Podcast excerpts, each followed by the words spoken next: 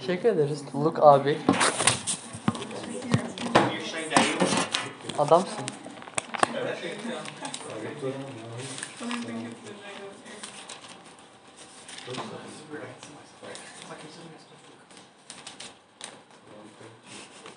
Mağazadan düzelttim istersen oraya geçiyorum. O zaman hoş geldiniz. Hoş bulduk. Nasılsınız? İyiyiz. Neden? Çünkü erken uyandım sabah. Hmm, süper. Ben de eski çeviri kalmış da bir orijinalini dinleyeyim.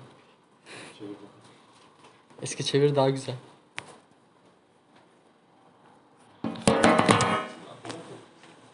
Eski çeviriden anladım. Anlatayım mı? İngilizceyi de King James'ten. Süper.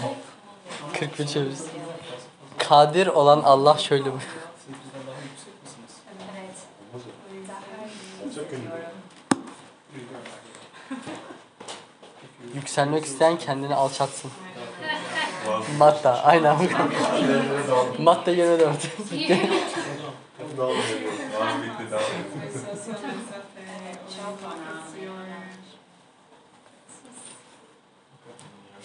Do you recall the Ollie Holly? O adam Ama ne ne? Hmm, aynen. Neredeler? Türk o. Ama sen daha fazla seçim için. Oraya Gelmiyor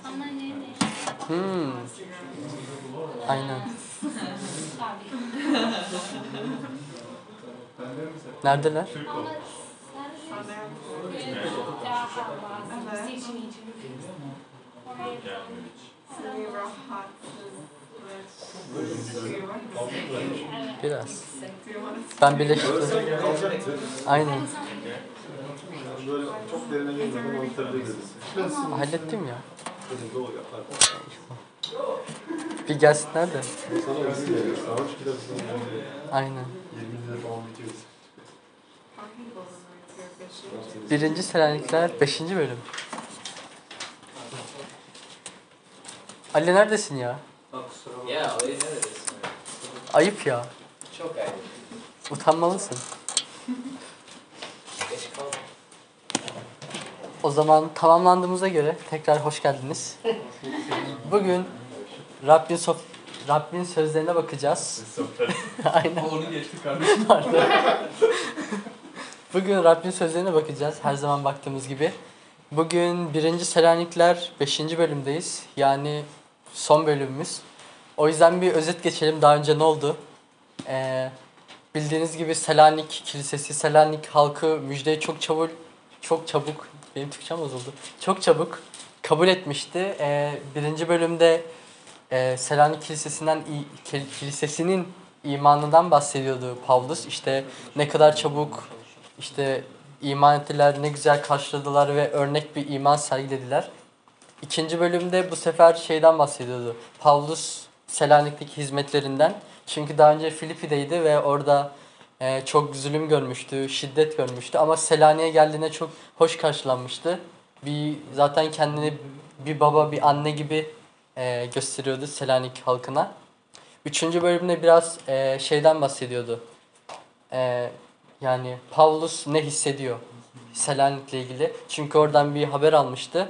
Ve aslında orada biz şey görmüştük. Müjdeciler topluluklardan nasıl etkileniyor gibi bir konu görmüştük. Sonra dördüncü bölümde ben yoktum ama şey orada muhtemelen pratik eylemlerimizin ne kadar önemli olduğunu görmüştük. Ve sonuna doğru e, dördüncü bölümün sonunda İsa Mesih'in gelişinden bahsediyordu. Çarpılcan. Ve ek olarak bugün de e, yani bu konunun devamı olarak 5. bölümde ek olarak e, Selanik Kilisesi'ne ne demiş ondan bahsedeceğiz. Bir önceki bölümde işte İsa'nın gelişinden bahsediyordu. İşte İsa'nın tekrar gelişinden özellikle bahsediyordu. Ve 5. bölümde bunu böyle devam ettiriyor. Ayrıca bu bölümü ikiye böleceğim biraz. E, ilk birden 11'in sonuna kadar birinin okumasını istiyorum. Kim okur? Teşekkürler. 11'in sonu mu? Aynen. Kardeşler, bu, bu olayların zamanı ve tarihi konusunda size yazmaya gerek yoktur. Çünkü siz de çok iyi bilirsiniz ki Rabbin günü gece hırsız nasıl gelirse öyle gelecektir. İnsanlar her şey esenlik ve güvenlik içinde dedikleri bir anda gebe kadının birden sancılanması gibi ansızın yıkıma uğrayacak ve asla kaçamayacaklar. Ama kardeşler, siz karanlıkta değilsiniz ki o gün sizi hırsız gibi yakalasın. Hepiniz ışık çocukları, gündüz çocuklarısınız. Geceye ya da karanlığa ait değilsiniz. Öyle başkaları gibi uyumayalım. Ayık ve uyanık olalım. Çünkü uyuyanlar gece uyur, sarhoş olanlar da gece sarhoş olurlar.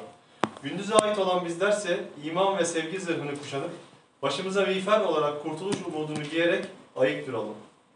Çünkü Tanrı bizi gazaba uğrayalım diye değil, Rabbimiz İsa Mesih aracılığıyla kurtuluşa kavuşalım diye belirledi. Mesih bizler için öldü. Öyle ki ister uyanık, ister uykuda olalım, onunla birlikte yaşayalım. Bunun için şimdi yaptığımı, yaptığınız gibi birbirinizi yüreklendirip ruhça geliştirin. Amin. Amin. Teşekkürler Tolga abi. Ee, öncelikle şöyle başlamak istiyorum. İkinci bölüm, ikinci ayette şey, Rabbin günü diyor. Ee, bu bu ifadeyi daha önce biz eski anlaşmada da görmüştük. Ee, mesela Yeşaya'da ya da Sefanya'da vesaire görmüştük. Onun dışında yeni antlaşmada da görmüştük. Ee, birinci de şey yani eski anlaşmada Rabbin günü olarak geçen yerlerde hep şeyden bahsediyor işte. Tanrı geliyor ve ama bu gelişin bir özelliği var. Kurtuluş ve yargı getiriyor. İşte Yeşaya'da da aynısı. Kurtuluş ve yargı. Sefanya'da da aynı şekilde. Ve yeni antlaşmada mesela 1. Korintilerde görebiliyoruz sanırım. Luka'da görebiliyoruz ve Efesler'de tam yanlış hatırlamıyorsam görebiliyoruz. Burada da Rabbin günü olarak yine aynı ifade kullanılıyor ve eee İsa Mesih'in ikinci gelişinden söz ediyor aslında ve yine aynı konular işleniyor. Eski anlaşmada Tanrı'nın gelişi işte kurtuluş getiriyordu ve yargı getiriyordu. Ve yeni antlaşmada aslında İsa Mesih'in ikinci gelişi işte bazı insanlar için kurtuluş, bazı insanlar için yargı getireceğinden bahsediliyor. Ve bugünün şöyle bir özelliği var. Üçüncü ayete baktığımızda e, her şey esenlik ve güvenlik içinde dedikleri bir anda işte gebe kadının birden sancılanması gibi ansızın geleceğinden bahsediyor. Bu konuyu aslında ben biraz e, eski antlaşmadaki konularla benzetiyorum. Mesela Nuh'un gemisiyle. Şöyle mesela e, mesela Nuh kendisi bir işte gemi yapıyordu ama tufanın ne zaman kopacağını bilmiyordu. Ama sonunda işte tufan koptu, kendisi kurtuldu, ailesi kurtuldu, diğer insanlar işte kurtulamadı. Veya İsrail e, Mısır'dan çıktığı dönemde işte 400 yıl bir işte kölelik yaşadılar. Ne zaman çıkacaklarını bil yani 400 yıl olduğunu biliyorlardı ama ne zaman çıkacaklarını bilmiyorlardı. Fakat bir şekilde çıktılar. İşte Rab onlara yardım etti ve onları çıkardı. Aslında bu işte konuyu Rabbin gelişini ben işte bu konularla bağdaştırmak istiyorum. Çünkü bize çok fazla soru geliyor işte İsa Mesih ne zaman gelecek işte niye hala gelmedi falan. Aslında bu konuyu biz bilmiyoruz. Zaten Matta 24'te de İsa şey diyor hani bugünü siz bilemeyeceksiniz. Tanrı'nın işte Rabbin günü yine e, bir hırsız gibi gelecek. Hiç kimseye bilmeden. Aslında bu konu işte dediğimiz gibi bu Nuh'la veya İsrail'in Mısır'dan çıkışıyla çok bağdaştırılıyor diye diye söylüyorum. Ve dördüncü bölüm, dördüncü ayette şey diyor. Siz karanlıkta değilsiniz ki o gün sizi hırsız gibi yakalasın. Aslında bu yine aynı şey yani. Biz ne zaman olacağını bilmiyoruz. Mesela İsrail bilmiyordu ama İsrail halkı kurtuldu. O kölelikten kurtuldu. Veya Nuh yine kurtuldu. Ve şey hani bu hırsız gibi gelme olayı aslında çok önemli bir şey. Çünkü kimse bilmiyor ama sonunda ne olacağını da kimse tahmin edemiyor. Ee, ve 5. bölüm 5. ayet hepiniz ışık çocuklarısınız ve gündüz çocuklarısınız diyor. Bu ifade çok önemli bir şey olduğunu düşünüyorum ve ben bu ifadeyi aslında Yuhanna'dan bekliyordum. Ama Yuhanna hep şey diyor siz Tanrı'nın çocuklarısınız. Mesela burada ışık çocukları dediğinde bu ışık çocukları ne demek? Hani çok bariz herkes anlayabiliyor ama bunu kutsal kitapta nasıl görebiliriz? Mesela ben işte hep Yuhanna'dan şey bekledim. Işık çocukları desin ama hep Tanrı çocukları desin. Ama Yuhanna 1. Yuhanna 1. bölümünde şey diyor. Tanrı ışıktır ve onda hiç karanlık yoktur. Aslında buradaki ışık çocukları benzetmesi orayla çok alakalı. Yani Tanrı ışık ve siz ışık çocuklarısınız. Yani siz Tanrı'nın çocuklarısınız e, olarak nitelendiriyor. E, 6. ayette öyleyse başkaları gibi uyumayalım, ayık ve uyanık olalım. E, öncelikle şu uyuma eylemine bir e, bakmak istiyorum. Bu bölümde 3 tane uyumak geçiyor. E, birisi 6'da geçiyor, birisi 7'de geçiyor ve 10. Bölü, 10. ayette geçiyor. E, 6. bölümdeki uyumak eylemi yani uyumak fiili aslında şey ne için kullanılmıştı? Bir saniye. Duyarsızlık için kullanılmış. Yani duyarsız olmak. Burada başkaları gibi aslında uyumayın derken hani başkaları gibi duyarsız davranmayın. Çünkü onlar gibi işte böyle her şeyi boşlamayın. Hiç işte bir şey yapmayın. Ve onun dışında 7. ayetteki uyumak eylemi normal bir standart bir uyuma eylemi. Uyuyanlar gece uyur demiş. Ve 10. ayetteki uyumak ise ölümden bahsediyor. Şöyle diyor. Mesih bizler için öldü. Öyle ki ister uyanık ister uykuda olalım. Ama onunla birlikte yaşayalım. Ee, yani bu Rabbin gelişi dediğimiz gibi hani henüz bilmiyoruz. Yani bilemiyoruz. Ama bu imanlar için çok önemli bir gün. Ve biz bugünü bekliyoruz. Mesela işte İsrail Mısır'dan çıkarken bekliyordu. Hep bir umutları vardı. İşte Nuh yine bekliyordu. Onun da bir umudu vardı. Bizim de umudumuz var. Hani bunu biliyoruz. Ve aslında biz de bunu nasıl bekliyoruz? Az önce Rabbin sofrası yaptık. Hani birinci Korintiler bölümünde de şey diyor hani Rabbin gelişine dek Rabbin ölümünü ilan etmek. Aslında biz Rabbin sofrası yaparken Rabbin e, gelişini, o günü İsa Mesih'in ikinci e, gelişini e, bekliyoruz. Ve onu hani apaçık gösteriyoruz. Evet biz bekliyoruz. Burada şöyle 8. bölümde bir şey var. 8. ayette bölüm değil. Gündüze ait olan bizlerse iman ve sevgi zırhını kuşanıp başımıza miğfer olarak kurtuluş umudunu giyerek ayık duyalım, duralım. Şöyle e, belki hatırlarsınız Efesler bölümünde imanın e, silahları vardı. Mesela şey dua etmek, işte şükretmek vesaire bunlar imanın işte getirdiği eylemlerdi ve işte bunlar bizim aslında silahlarımız gibiydi. Örneğin bir nasıl asker işte savaşa giderken hazırlanıyorsa, miğferini giyiyorsa, işte zırhını takıyorsa vesaire.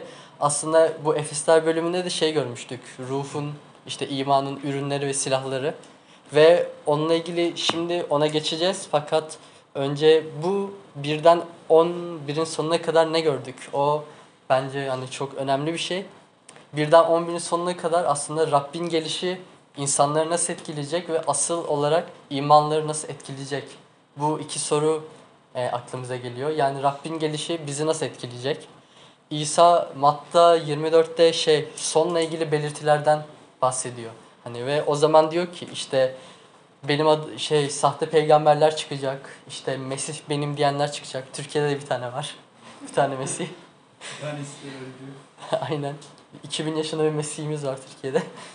İşte İsa sonuna ilgili belirtilerde hep şeyden diyor hani çok kötü olacak. Çünkü hani insanlar iman hatta imanlılar imanlarından sapacak çünkü benim için çok acı çekeceksiniz. Hani imanlar bu topluluk çok acı çekecek. Sahte peygamberler çıkacak. İşte sizi yoldan ayırtacaklar, size zulmedecekler. Ama işte şey biz biliyoruz ki vahiy bölümünde benim en sevdiğim ayetlerden biridir. İsa'nın gelişiyle ilgili şey diyor hani onun gelişi öyle adaletli olacak ki hani bütün herkesin gözyaşlarını silecek kadar yani mükemmel bir geliş olacak. Şimdi biz işte onu bekliyoruz. Ve aslında son bölümde e, yani 12'den sonuna kadar son öğütler ve selamlar var. Aslında ben orayı şey olarak düşündüm. Rabbin gelişine kadar biz nasıl davranmalıyız? İşte birbirimize nasıl davranmalıyız? İnsanlara nasıl davran davranmalıyız? Neler yapmalıyız? O yüzden birisi 12'den sonuna kadar okuyabilir mi? Kardeşler, aranızda çalışanların Rab yolunda size önderlik ed- edip öğüt verenlerin değerini bilmeniz, bilmenizi rica ederiz. Yaptıkları işten ötürü onlara fazlasıyla saygı sevgi gösterin. Birbirinize barış içinde, birbirinizle barış içinde yaşayın. Size yal- yalvarırız kardeşler, boş, boş gezenleri uyarın. Yüreklerinize cesa- cesaretlendirin. Güç- Güçsüzlere destek olun. Herkese karşı sabırlı olun. Sakın kimse kötülüğe kötülükle karşılık vermesin. Birbirinizi ve bütün insanlar için her zaman iyiliğe amaç edinin. Her zaman her zaman sevginin Sürekli her zaman sevinin, sürekli dua edin. Her durumda şükredin. Çünkü Tanrı'nın Tanrı'nın Mesih İsa, İsa'da sizin için istediği budur. Ruhu söndürmeyin. Peygamberlik sözlerini küçümsemeyin. Her şeyi sınayın. İyi olanı sımsıkı tutun. Her çeşit kötülükten kaçının. Esenlik kaynağı olun. Tanrı'nın kendisi size tümüyle kutsal kılsın. Ruhunuz, can, ruhunuz, canınız, bedeniniz Rabbi, Rabbimiz İsa Mesih Mesih'in gelişinde ek- eksiksiz ve kusursuz olmak üzere korunsun. Sizi çağıran Tanrı güvenilirdir. Bu bunu yapa- yapacaktır. Kardeşler bizim için dua edin. Tüm kardeşleri kutsal öpü, kutsal öpüşle se, selamlayın. Selamlayın. Rab adına size buy, buyuruyorum. Bu mektup bütün kardeşler, kardeşlerinize okunsun. Rabbimiz İsa Mesih'in lütfu sizinle birlikte olsun. Amin. Ee, 8. ayette hatırlarsanız şeyden bahsetmiştik. Ee, kutsal yani şey imanın silahlarından işte bu miğfer gibi giyeceğimiz, zırh gibi giy- giyeceğimiz e, şeylerden. Aslında bunu işte bu son bölümde görüyoruz. Örneğin e, sevin sürekli işte sevinin, şükredin, durmadan dua edin, birbirinizi sevin, işte birbirinize karşı e, yüreklendirin. İşte peygamberlik sözlerini hiçe saymayın vesaire. Aslında burada işte biz Rabbin gelişine kadar neler yapmalıyız? Onunla ilgili pratik bilgiler görebiliyoruz. Çünkü aslında biz her zaman şey diyoruz. iman işte tek başına işte yeterlidir. İman ettim, kurtuldum. Bu kadardı falan. Ama aslında kutsal kitabın neresine bakarsak bakalım işte Tanrı'nın buyruklarını, Rabbin buyruklarını yerine getirmek de bir o kadar önemli. İşte ben sadece iman ettim, bitti bu kadar demekle yani olacak bir şey değil. Çünkü Rabbin gelişinde kimi için kurtuluş olacak, kimi için yargı olacak ve bunun kime hani kimlerin kurtulacağını biliyoruz. Biz imanlar olarak kurtulacağız. Ama bizim amacımız sonuç olarak şey yani İsa ile beraber yaşamak değil mi? O zaman İsa ile birlikte yaşamak istiyorsak onun yaşadığı gibi yaşamalıyız. O da pratikte oluyor. Örneğin sürekli dua ederek, işte sürekli birbirimizi eee, etkileyerek, işte birbirimizi cesaretlendirerek. Bunun için neler yapabiliriz diye düşündüm. Bence şey hani biz sonuçta bir topluluğuz, bir aile gibiyiz. Mesela bazen bir işte birimizin morali bozuk olabilir, birimiz işte kötü bir anda olabilir. Onun için dua etmek, onunla işte vakit geçirmek, onunla bir şeyler yapmak yani pratikte çok iyi bir şey olacağını düşünüyorum ve hani kutsal kitabın neresine bakarsak bakalım hep kardeşlerinizi sevin, onları yüreklendirin, cesaretlendirin gibi şeyler görüyoruz. Ee, burada pratik olarak işte Rab bize ne buyurmuş, onun gelişine kadar biz nasıl yaşamalıyız bu gibi bir örnek çıkardım. Aslında bilmiyorum fark ettiniz mi 11. ayeti hiç anlatmadım. 11. ayette şunu diyor. Bunun için şimdi yaptığınız gibi birbirinizi yüreklendirip Rusça geliştirin. Aslında vaazın kapanışını bir anons gibi bir şeyle yapmak istiyorum. İşte ben geçen hafta Diyarbakır'dayken biriyle tanıştım. Hani yüz yüze tanışamadım. Ee, bir tane vezir abi diye biri 18 yıl önce hapishaneye girmiş iki kişi öldürerek. Ve şey hani müebbet hapis yemiş yani ömür boyu hapiste bir daha çıkamayacak. Sonra işte hep kitaplara kendini vurmuş. İşte namaz kılmaya başlamış. Sürekli namaz kılıyormuş falan. Sonra demiş ki bu çok saçma falan işte bırakmış. Sonra eline bir gün işte İncil geçmiş. İşte İncil okumaya başlamış. Ve sonra kendi kendine iman etmiş. Ve hani kimsenin haberi yokken adam iman etmiş. Kendi kendine teolojik düşünmeye falan başlamış. Ve bunu bir gardiyan şey işte Diyarbakır Kilisesi'ne gelip söylemiş. Normalde müebbet hapis yiyenlerin yanına kimseyi almıyorlar. İşte Diyarbakır'daki pastör gidip şey demiş. Bu adam Hristiyan ben de din adamıyım. Beni bunun yanına almalısınız falan. Dilekçe vesaire çıkarmış. Şimdi o işte vezir abi 18 yıldır hapishanede. Ve kendi kendine iman etmiş. Kendi kendine orada müjdeyi paylaşıyor insanlarla. Hatta bir hikayesi var. Bunun işte kan davalı işte düşmanı olan biri ee, şey bu müebbet hapis cezası yediği için orada işte sürekli iş yapıyormuş. Çay falan dağıtıyormuş, yemek dağıtıyormuş. İşte bir gün düşmanın koğuşuna girmiş ve daha görmemişler birbirini, birbirlerini. İşte şey ona sürekli yemek vermiş düşmanına. Düşmanı bununla hiç konuşmuyormuş. En son düşmanı demiş ki sen hani benim düşmanımsın neden bana yemek getiriyorsun falan diye işte bir şeyler demiş. Bu da demiş ki işte ben Hristiyanım ve ben hani düşmanlarımı sevmem için bu öğretiyle büyüdüm. Ve şu an o adam yani vezir abi 18 yıldır hapishanede hiç çıkmayacak ve hapishanede müjdeyi yayıyor. Ve hatta bir tane gardiyana işte müjdeyi paylaşmış. Kiliseye başlamak üzere o kişi de. Ama şu an çok canı sıkılıyor çünkü yapacak bir şey yok sadece kitap okuyor. Ve aklıma işte şey geldi bu bölüm okuduktan sonra bu 11. bölümde işte birbirinizi yüreklendirin işte Rusça geliş Rusça geliştirin derken işte bu vezir abiye nasıl yardım edebiliriz aklıma öyle bir şey geldi. Ve şöyle bir şey yapmak istiyorum aslında onun için mektup yazalım. Ve hepimiz hani zorunda değilsiniz ama şey onun için mektup yazalım çünkü işte ben bilgilerini aldım işte adresini aldım, koğuşunu vesaire her şeyini aldım. Ona işte mektup yazmak istiyorum ve sizden de mektuplar yazmanızı istiyorum. Haftaya kadar getirebilirseniz işte ben ona yollayacağım işte uzun uzun. Çünkü çok canı sıkılıyormuş. Biraz işte hem de teşvik alması açısından. İşte yani konuyu böyle bir anons gibi bir şeyle bitirmek istedim. Çünkü aslında konu, bizim bugün işlediğimiz konuya baktığımızda biz işte Rabbin gelişini bekliyoruz ama ne zaman olacağını bilmiyoruz. Nasıl etkileneceğiz işte onu tabi imanlar olarak kurtulacağız.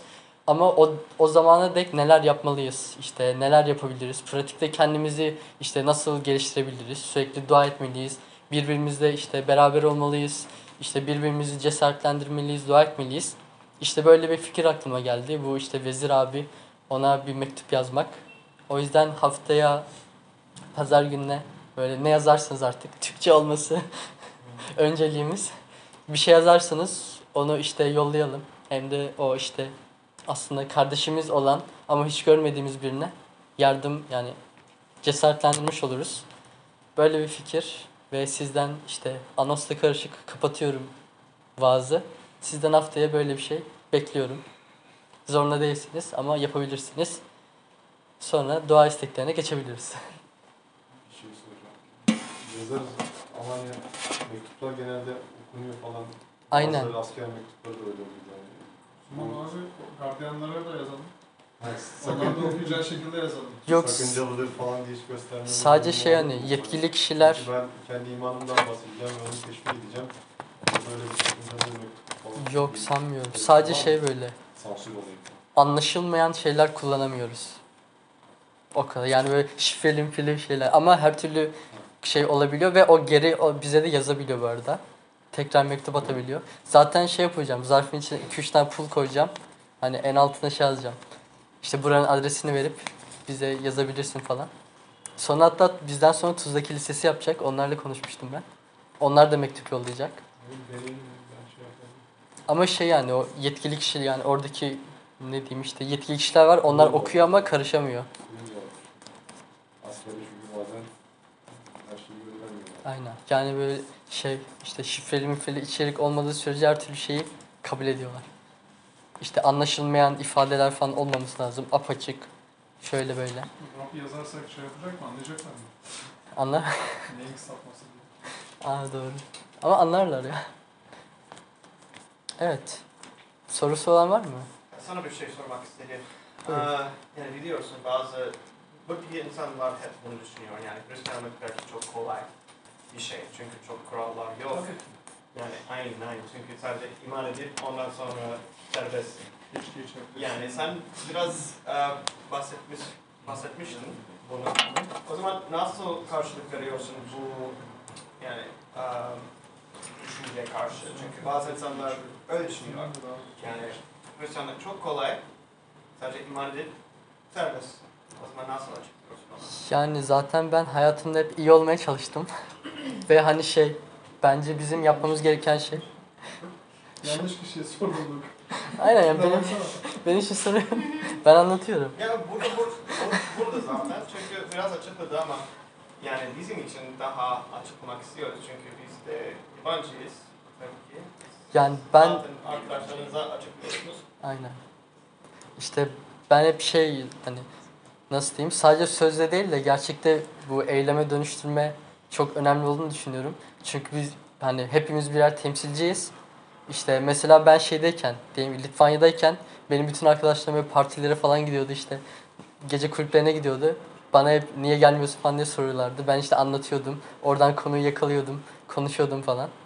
İşte böyle hani zaten kutsal kitabın tümüne baktığımızda yani Hristiyan olmak gerçekten zor. Ve bunu hani ins ve insanlar bizde görmeli bence. Hani Ben mesela sürekli alkol alan, sürekli içki içen, sürekli işte bir şeyler yapan kötü bir insan olup gidip diyemem ki işte ben Hristiyanım işte şöyle güzel böyle güzel. Hani kişi kendini göstermeli bence onu. Aslında ben şöyle söyleyeyim, eee, yani Hristiyan olmak, İsa Mesih'i takip etmek eee, aslında daha kolay gibi görünse de yani en basit bir örnekle anlatayım. Başka dinlerde kural nettir. Yani şöyle söyleyeyim, yapmayacaksın der ve bunun daha başka bir şeyi yoktur.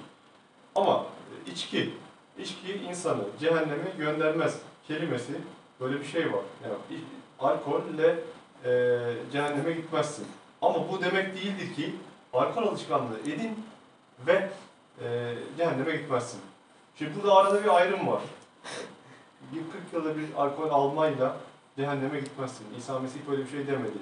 Alkol almayıp da kötülükler yaparsan cehenneme gidebilirsin ama e, şimdi bu ayrımı biraz e, Hristiyanlıkta ya da Hristiyanlığa yeni e, tatmış, tanımış insanlarda, İsa Mesih'i yeni tanımaya başlayan insanlarda bu biraz geniş algılanıyor. Yani şöyle diyeyim, e, Hristiyanlığı biraz algılaması ve uygulaması e, zor gibi geliyor. Çünkü kural kesin değil. Anlatabiliyor muyum? Ama e, İslam'da haramdır. Bitti. Ama e, alkol insanı cehenneme göndermez. E, İncil, kutsal kitaba göre göndermez. İsa Mesih böyle bir şey demedi. Yani ama için de demedi. Anlatabiliyor muyum? Yani herkes alkol alsın. Hadi bütün gece akşamcı olun da demedi. İşte burada biraz zor olan bunu anlamak. Aynen yani İsa Ee, şaraba çevirdi Ya da atıyorum bu her şeyde yapılan fuhuş olsun, işte kötülüklerin hepsinde e, uygulanabilir. Kıskançlığından tutun aklınıza gelebilecek bütün kötülüklerde e, yani biraz anlaması ve uygulaması zor. Çünkü e, orada bir açık bir kapı var. E, çünkü alkol almak gerçekten de bizleri e, cennetten ve İsa Mesih'in yolundan uzaklaştırmayacak. Ama işte o ince çizgi var ya, e, alışkanlık haline getirip hayatını Tanrı'nın önüne kadar aldıysan alkolü, e, bu kötüdür. Bu Tanrı'nın ve Mesih'in, Rabbin istemediği. bir şey. Abi bölüyorum. Türkiye'de zaten alışkanlık haline getiremiyorsun. Pahalı çünkü. Getirirsin. Bak diğer sıkıntılar var. Diğer günahlar var. Ücretsiz günahlar da var. Demek ki öyle bir sıkıntısı var. Getirmek istiyor. Ama biliyor musun yani bu bir çalış, çelişki gibi olabilir. Çünkü bazen yani İsa Mesih bizi serbest bırakıyor. Kılıyor, kılıyor. Evet. Ama eğer bir kadar? ağaç meyvesinden tanılır. Ondan dolayı eğer bir kişi tamam artık ben serbestim yani hiçbir şey yok derse yani bu bir sıkıntı. Çünkü yani artık kutsal içindeyse tabii ki böyle devam etmeyeceksin. O zaman yani bu da biraz zor. Çünkü bazı insanlar bunu anlamayacak. Aa, bana karşı böyle kötü davranan birine vurmamak bence çok zor bir şey benim için. Evet. Yani ona dövmemek, zarar vermemek. Tamam. Gerçekten yani aslında tamam iman etmeden önce fark etmezdi. Eğer biri bana bir şey yaparsa ya da trafikte ya da başka bir yerde tamam kafasını gözünü kırmak çok kolaydı. Ama şimdi şey o öfkeyi dindirip şey onun için dua edebilmek bence çok zor bir şey. Çünkü yani o öfke şey seni ele geçiriyor. Ama o zaman Tanrı'nın sevgisini al- hatırlıyorsun ve tamam düşmanını bile sev ve onlar için dua et diyor. Bence bunun gibi çok şey. Yani Tanrı'yı her şeyin önüne koyarsan dünyadaki diğer şeyleri yani bu günah şeyleri benliğimizi e, uygulayıp yani onun istediklerini uygulamamak çok zor bir şey. O yüzden o kadar da kolay değil yani Hristiyan olmak. Kolay. Davranışsal olarak da şey yapıyor. Kavga ediyor. Yani iyisen, dürüstsen, şeysen, yani sağ arkadaşların